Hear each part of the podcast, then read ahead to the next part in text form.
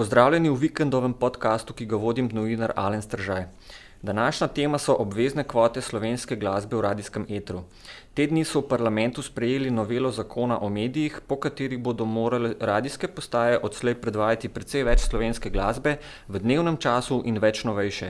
Slovenski glasbeniki so tako dobili deset let trajajočo bitko za večjo zastopanost na radijih, medtem ko so radijski uredniki ogorčeni nad poseganjem države v medijsko avtonomijo. Z mano sta direktor radijske mreže Infonet Leo Oblak in član skupine Midva Jrnej Dirnbek. Živijo. Lepo zdrav. Pozdrav. Opažam, da je izvorni problem pri tej bitki, ne, oziroma pri teh žočnih debatah, v bistvu spopad treh osnovnih vrednot o tem, kakšna glasba naj bi se vrtela na radijih. Eni pravijo, pomembno je, da je glasba, ki se vrti, slovenska, torej glasba kot nacionalna dobrina. Drugi pravijo, pomembno je, da je glasba kvalitetna in raznovrstna, tudi če ni slovenska, se pravi glasba kot kulturna dobrina. Tretji pa pravijo, pomembno je, da je glasba ljudem všeč, tudi če ni slovenska in tudi če ni kvalitetna po merilih strokovnjakov. Se pravi, glasba kot ekonomsko tržno blago. Za začetek me zanima, če se lahko vidva opredelita za eno od teh uh, vrednot. Naše stališče je, v bistvu kvalitetna je enako všeč nekomu. Če glasba ni všeč nikomor, bomo težko trdili, da je kvalitetna. Ker na koncu glasba rabi svojo publiko in če nima publike, je sama sebi namen in namen samo avtorju. In če avtor želi svojo glasbo javno predvajati, mora biti všeč publiki. Če ima koncert v dvorani s 500 ljudmi, mora biti všeč 500 ljudem, če pa najame stožice, mora biti pa všeč 10 tisoč ljudem. In če da svojo pesem na radio, mora biti všeč 100 tisoč ljudem. Se pravi, mi kot radici iščemo pesmi, ki bodo všeč 100 tisoč ljudem. Če bomo na radiju predvajali pesem, ki bo všeč samo enemu, bomo na koncu imeli tudi samo enega poslušalca.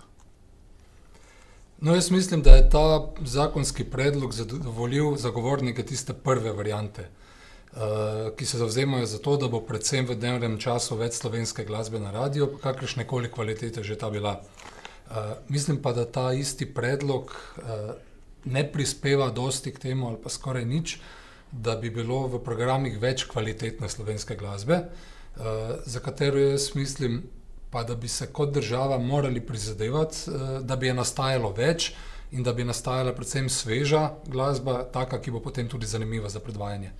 Uh, kako vidva vidita sprejetje novele zakona? Kot umešavanje države v gospodarstvo in svobodno izbiro, ali kot skrb države za slovensko kulturo? Ja, želja je bila, da bi skrbela za kulturo, izpadlo je pa kot grobo umešavanje, in na koncu bo učinek ravno nasproten. Se pravi, še bolj se bodo ponavljali isti slovenski glasbeniki. Na koncu bo še nekdo mislil, da ima zdaj razlog, da še bolj sovraži slovensko glasbo, zaradi tega, ker mu je neki glasbenik urinil svojo glasbo. Medtem kot je kolega povedal, če bi država skrbela za to, da je kvalitetna produkcija narejena, ni treba nobene kvote.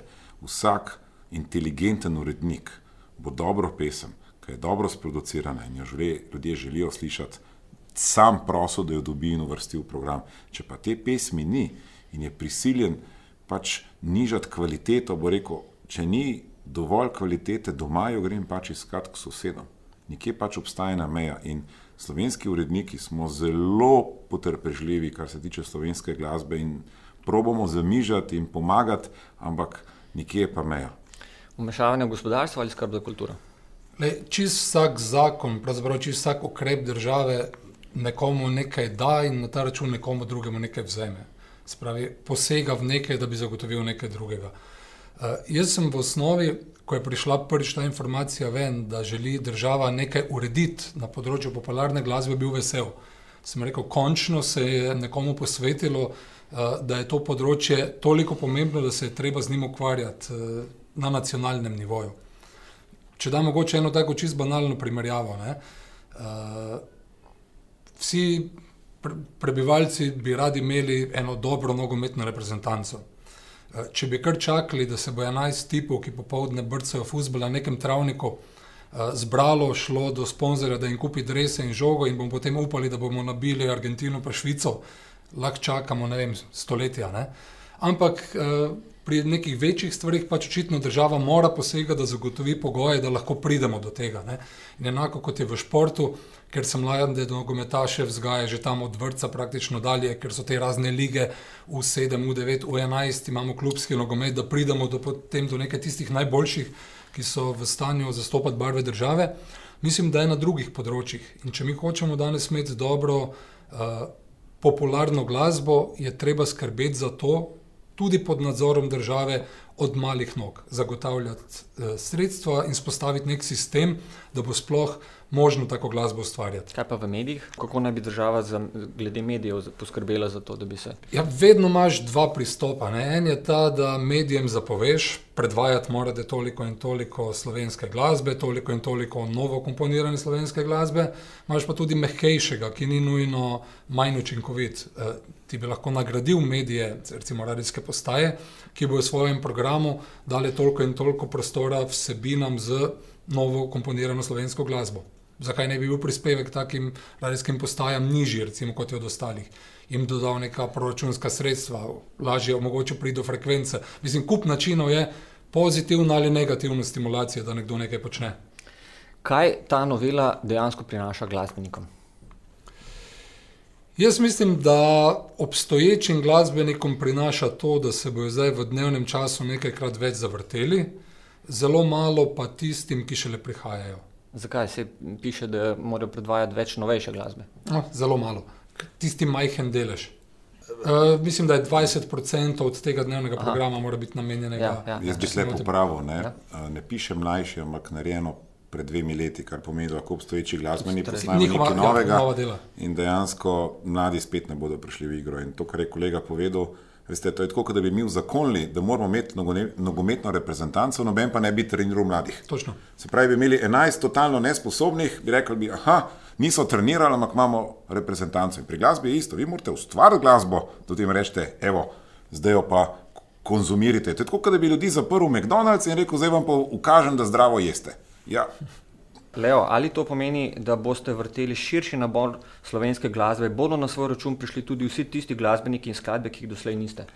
Mi se bomo držali istih pravil kot sedaj, se pravi, kvaliteta je merilo in naša odločitev je, da raje ponavljamo dobro pesem, kot ne ponavljamo pesem, ki ni kvalitetno sproducirana. In v Sloveniji imamo realno gledano, če primerjamo slovence s tujino, pet odstotkov slovenskih avtorjev je sposobnih delati na svetovni kvaliteti, ostali žal ne. In naša želja je, da vrtimo teh pet odstotkov najboljših. Je pa res, da so nekateri glasbeniki tako kot politiki. Politik reče: Ja, nisem zmagal na volitvah, ker me mediji niso kazali. In glasbenik reče: Ja, nihče noče poslušati mojih pesmi, ker me mediji niso predvajali. Žal je ravno obratno. Če si ti dober, te bodo mediji kazali, in če si uspešen glasbenik, bodo mediji predvajali. In sicer danes v dobi interneta, YouTube-a, vsak inteligenten glasbenik ve, naredi dobro pesem, dobro video spot, dej na YouTube in če ima pesem tisti X faktor, bo preplavila socialno mrežo, dobil bo klice, imel bo koncerte, tudi če ga radio ne predvi. Pri petem jazzile ima največ pogledov na YouTube, ima koncerte, pa jih v bistvu noben radio ne predvaja. Ker če ti nekaj narediš, kar je ljudem všeč, tega nihče ne more ustaviti. Če pa nekaj za nič, ali pa ljudem ni všeč, ti lahko s to zakonom sprejmeš, ljudi mučeš in jih silaš, ampak na koncu jim še vedno ne bo všeč. Uh, glede na to, v bistvu glasbeniki niso dob, uh, dobili te bitke, uh, ker uh, očitno po besedah Leota, uh, vsaj komercialne radijske postaje ne bodo predvajale več slovenske glasbe, oziroma uh, več raznovrstne slovenske glasbe. Dobro, to je pač politika njihovega radia, ki je čisto legitimna, vse je v zasebnih rokah. Jaz eno mislim, da je tu treba gledati na nekaj drugega. Ne? E, komercialno usmerjen radio bo dajal podarek komercialni glasbi, taka, ki je pač zanimiva za najširši krok poslušalstva. E, obstaja ogromno muzike, ki je lahko odlična, pa je manj komercialno usmerjena. E, gre za izvajalce, ki jih vi ne boste vrteli, pa so lahko v svetovnem merilu špica. Ne? In uh, bi rekel, samo tak pogled se mi zdi oži ta prostor, ne? ker vse skupaj sili v neki mainstream. Uh, Veste, če vi živite od pizzerij, ki oglašujejo, je, ko nimate naročnine, nimate naročnika, kot pri časopisu, ki bi vsak mesec plačali. Spravi, vi vsak mesec ne veste, ali boste imeli reklame naslednji mesec. Tukaj imate vi koncerte. A bodo prodane karte ali ne? Zdaj bo pa en prišel, pa bo rekel: Veste kaj, na vašem koncertu morate pa polovico pesmi igrati neznane avtorje. Vsi vaši tam, ki vas poslušajo, šli na pivo in vi boste sami na odru, če bi bilo to uzakonjeno. Drži? Zakaj vi, kot uspešen glasbeni bend, nimate pol časa na odru neke neznane avtorje in jim date svoj čas in svojo dvorano in svoje karte? Ne gre. In to, kar razlagam, se je zgodilo v Franciji. Jaz sem poklical gospoda, ki predstavlja najbolj poslušan francoski radio Energy in on je povedal, da v Franciji deset pesmi naredi več kot 50 odstotkov kvote. Eno in isto ponavljamo. Nobene koristi ni. Radijske postaje so naredile svoje založbe in si same snemajo pesmi, ki pašejo v njih program, ki so sicer niže kvalitete, ne? ampak še vedno boljš kot neka nekomercialna glasba. Ker radio je komercialen, zakaj? Ker živi od reklam. Če nas noben ne posluša, ni denarja ne za vdajnik, ne za elektriko in to se nihče ne zaveda. Ne? Radio ni poslušan sam po sebi. Torej, če mi nimamo dovolj komercialnega programa, ne moramo preživeti. In zato mi sledimo temu krutemu pravilu komercialnosti, da publika odloča, kaj bomo mi delali. Ker če gremo proti publiki, bomo propadli, tako kot so propadle radijske postaje, ki smo jih mi odkupili, potem ko so sledile pač nekemu občutku, svojemu, ne pa publiki. Uh, zakaj se glasbeniki tako pritožujejo nad uh, Infonetom in drugimi komercialnimi radijskimi postajami, če gre za, privatne, uh, za privatna podjetja? Um, ali um, ali um, so komercialne radijske postaje dolžne skrbeti za razvoj scene in promocijo slovenske glasbe, ali jim priznavate pravico, da so po zakonu dolžne skrbeti le za lasten profit in za davke? Ja, jaz ne bi vedel, zakaj se glasbeniki pritožujejo. Recimo, jaz nisem eden tistih, ki bi se pritoževal nad Infonetom in kot sem rekel, se mi zdi čisto legitimno, da zasledujejo svojo poslovno politiko. Mimo grede, mi dva se ne vrti veliko po teh radijskih postajah. Zelo malo, ja. ja. In te to ne moti, oziroma nimaš? Me ne moti zaradi tega, ker ravno kot smo že prej govorili, ne, naše koncertne dvorane so polne kljub temu. In, Uh, smo našli ene druge kanale, da pridemo do poslušalcev. Tu, tu so drugi radiji, recimo nacionalni, ki so manj komercialno usmerjeni in se lahko privoščijo tudi manj tržno zanimive skladbe na svojem programu. Uh, Ali to vpliva, uh, to, da vas recimo nacionalni radio vrti, vpliva na uh, uh, priljubljenost vaših skladb uh, na koncertih? Jaz bi rekel, da ja, ampak je to izredno težko izmeriti.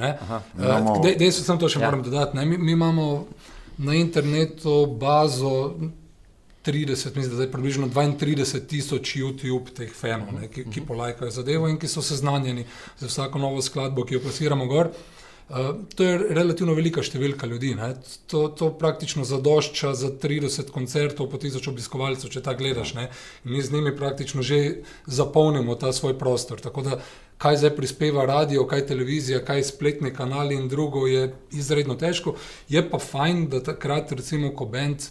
Ali naš uh, vsake štiri leta da od sebe neki izdelek, novo pločo ali nekaj takega, ni v celoti zignoriran in takrat ti presneto prav pridejo tudi mediji, bodi si tiskani, bodi radijski, ki ne. podarijo ta tvoj dosežek. Uh, zdaj, kot jaz uh, vidim, ne, se glasbeniki pritožujejo nad Infonetom in drugimi ra komercialnimi radijskimi postajami, zato ker uh, ima to širši vpliv na sceno. Uh, skratka, uh, ne morejo uh, promovirati uh, novih uh, skladb, novih, v bistvu ne morejo niti testirati um, novih singlov, uh, priljubljenost med ljudmi, uh, če jim tako velike in vplivne uh, radijske postaje ne dajo uh, možnosti, da sploh pride skladba do poslušalcev. Leta 2016 date pesem na YouTube in lahko vidite, koliko je všeč ljudem. Če bi to držalo, bi mogli vsi tisti, ki jih predvajamo, imeti razprodane koncerte, pa jih nimajo. Mi marsikaterega avtorja, zato ker paše na radio, domačega predvajamo štirikrat na dan, ne proda zaradi tega nobene karte več. In koncertna scena je koncert. Ne? Določena glasba pa še na žur, določena ne. Če boste vi zadnjo pesem Hello, Adadel vrteli na enem žuru, vam bodo vsi ušli. Ne? Ampak pesem je pa odlična za naradje, za pisarno, se peleš v službo in paše. Ampak en slovenski glasbenik s tako pesmijo si ne more nič pomagati, ne bo nobenega CD-ja prodal, ne bo, ker se itak ne prodajajo. Ne? Ljudje bodo se sicer fajn imeli, ko bodo slišali po radiju, ampak koncerta ne bo. Ampak ali je internet res realno primerljiv z, z uh, vplivom radijske postaje? Ne, večjega ima. Večjega ima. Uh, Mar res, glede na to, da internet nima urednika, ki bi, uh, ki bi uh, usmerjal um, velike množice ljudi, ker danes ima vsak na YouTubu svojo playlisto in uh, če pa ti hočeš imeti hit, ne, mora biti pa več ljudi izpostavljenih. Uh, tako je včasih delal radio, recimo klasičen radio. Ne. Internet ima največ ljudi. Mi po radiju moramo že slediti internetu. Če vidimo, da pesem na internetu hitro nabira oglede, pomeni, da jo lahko damo na radio, če pa vidimo, da stagnira in se nič ne zgodi, je ne damo. In če jaz začnem vrteti, mi je žal, da vedno omenjam njega. Vzamemo pesem Damjena Murka, jo lahko vrtim sto let vsak dan, pa ne bo on rad všečen. Vi morate imeti pesem, ki je hit in jo date na radio, zato ker bi ljudje radi slišali, ne zato, da jim bo ratala všeč. Ljudje so hoteli poslušati ti, ti moja rožica od uh, Modrijanov, zato ker jim je bila všeč so hoteli trikrat na dan slišati. Mi sicer ne, nismo vrteli, ker ne vrtimo narodno zabavne, ampak ljudje so hoteli na enem koncertu to pesem dvakrat slišati. Zato, ker jim je bila všeč, ne zato, ker so jo modrijani vrteli, da bi jim zdaj ratala všeč. Jrnej, uh, rata pesem hit potem, ko se vrti na radijih, ali je pesem hit že v osnovi in jo radijo posledično vrtijo? Jaz bi rekel, da se začne pri pesmi. Torej, da radio težko nekaj naredi, oziroma lahko poskuša. No? Uh, ampak potem bo dosegel največ to, da bo pesem hit na tistem radiju. Mislim pa, da širšega dometa ne bo imel. Jaz bi no? rekel, pesem je hit, ker ljudje hočejo slišati. Poglejte, Lady uh, Gaga, pri vseh milijonih, ki jih ima, ne uspe več narediti hita. Zato, ker pač ljudem ni na pesem ni všeč. Meni se zdi, da smo prišli glih do ene super točke, pri kateri lahko ugotovimo dvoje. Recimo, če se pogovarjamo o mladih izvajalcih, o nekom, ki prihaja na sceno in na drugi strani o komercialnih radijskih postajah. Tu imamo ena dva različna pola, ki se ne najdeta in mislim, da se tudi ne morete najti. Uh, komercialne radijske postaje ne morejo biti rešitelj za mlado glasbeno sceno, ki bi se rada uveljavila. In tu je pa ta potreba, da poseže država in da omogoči neke pogoje, uh, da bo te scene veliko, da se ogromno glasbe ustvarja, da imajo mladi možnost to muziko predstavljati, pa se niso samo komercialne postaje. Da jim zrihtajo koncerte v mladinskih centrih, uh, na programih nacionalke in nekih radijskih postaj, ki bodo za to stimulirane in se bo potem gotovo s časom kdo od njih prebil tudi do te mere, da bo postal zanimiv tudi v komercialnem smislu. Uh, mladinski klubi so se zapirali, ker je bilo premalo obiskovalcev. Ja, in če si prišel tja kot bend, ki se šele pojavi na sceni, so ti ponovadi dali take pogoje, da moraš plačati 100 evrov za najem ozvočenja, 100 za varnostnika, pa 50 za sazas, stopnine ni bilo nič in bend je po tretjem koncertu postavil kitaro v kot. Ampak, uh, kot Leo pravi, danes imajo ti mladi bendi uh, internet ne? in bi lahko prek interneta polnili svoje klube.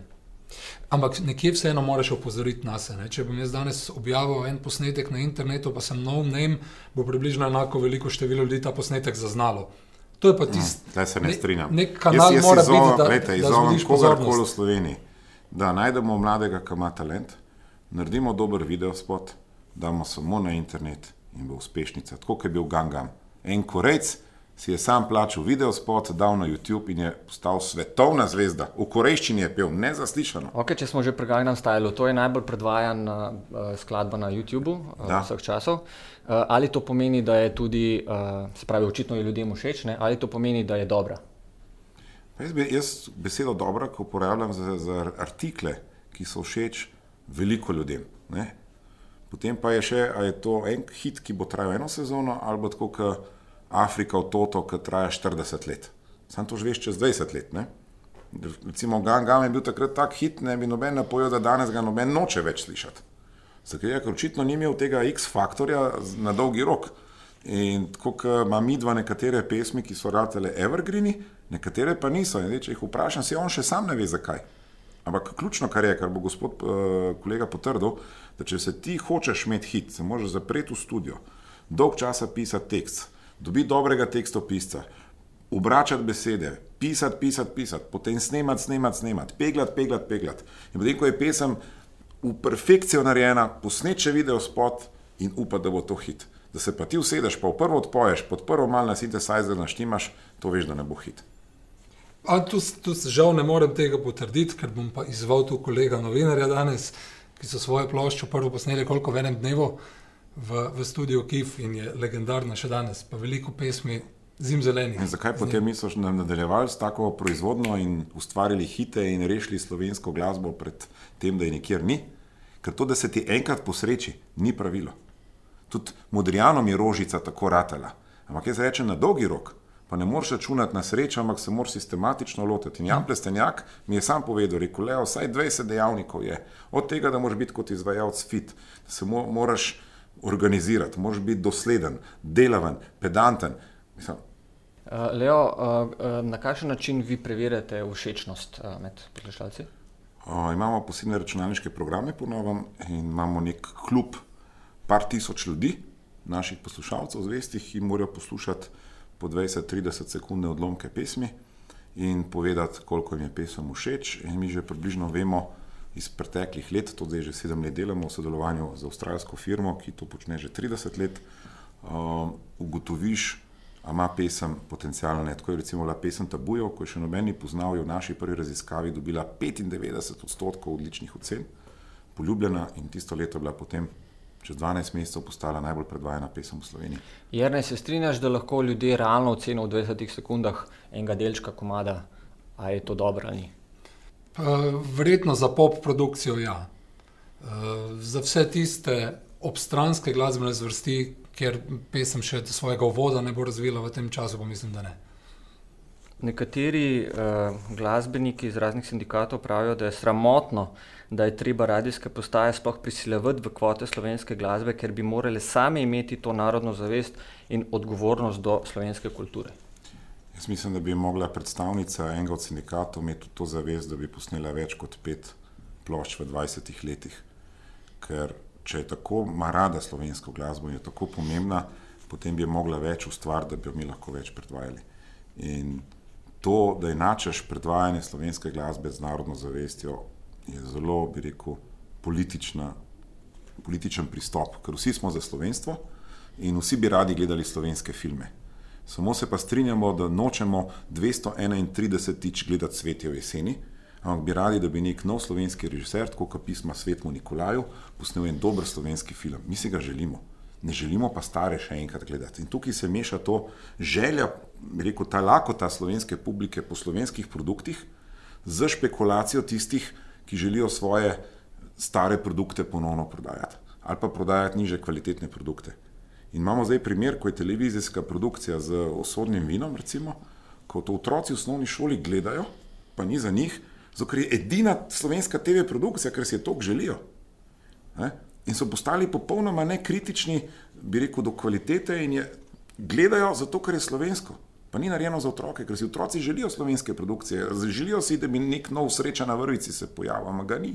In isto si publika želi slovenske glasbe. Sam to pa ne pomeni, da bom jaz še enkrat mrtvo reko predvajal pa vse te stare pesmi. Ampak jaz bi rabu novega, 23 let starega, mladega glasbenika, ki bi najstnice norele za njimi in on bi polno dvorane, ampak ga ni.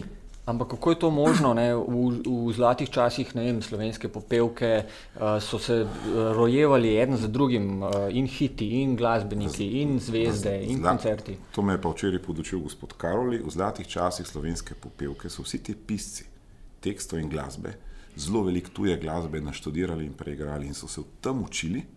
In zato zlata slovenska popev, popevka je mala od najboljših tujih ustvarjalcev elemente in jih poustvarjala v Sloveniji. In danes in v 80-ih letih so slovenski glasbeniki igrali tuje hite in ko so jih igrali in igrali, so se naučili, kaj se dogaja v tujini in potem so začeli ustvarjati slovenske hite z znanjem, ki so ga vzeli in pridobili od tujih. Danes mladi glasbenik ne nastopa v krog, ne igra najnovejših hitov in tako ne more spoznavati svetovnega trenda.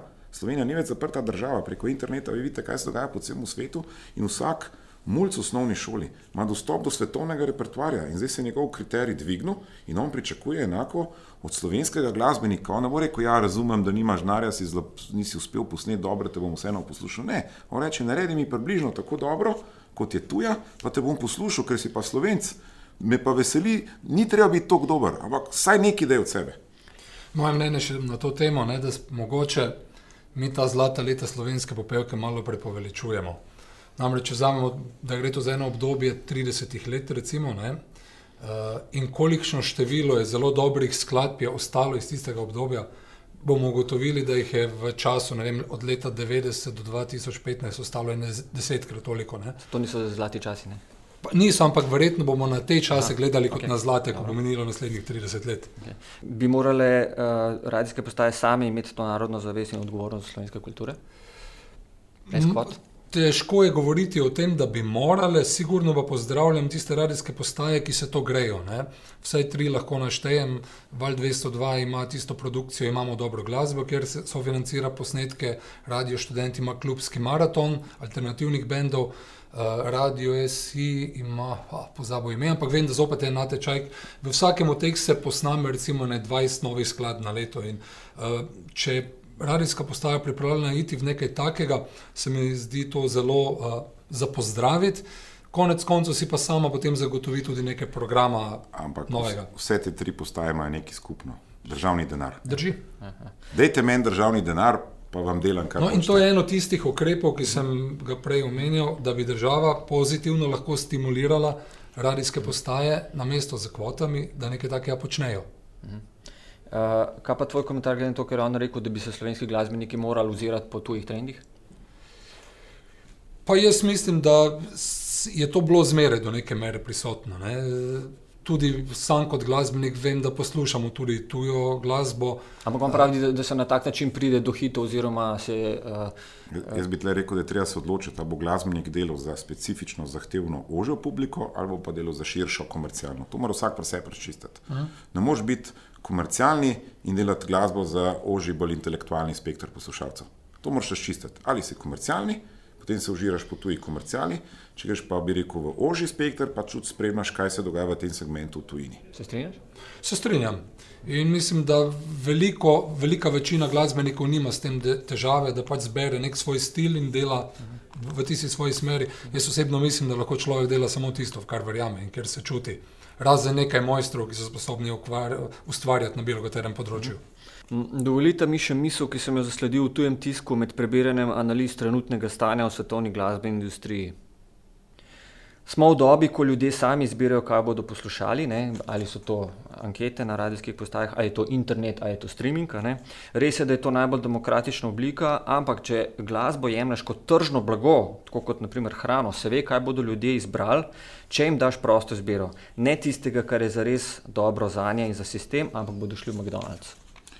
Ja, če bi bilo tako, kot vi pravite, bi vsi ekopredelovalci takoj propadli, ampak ugotavljamo, da je ravno porast tega. Ne? In vedno je segment publike, ki bo šel v McDonald's, in vedno je segment publike, ki pa želi biti drugačen in bo izbral eko.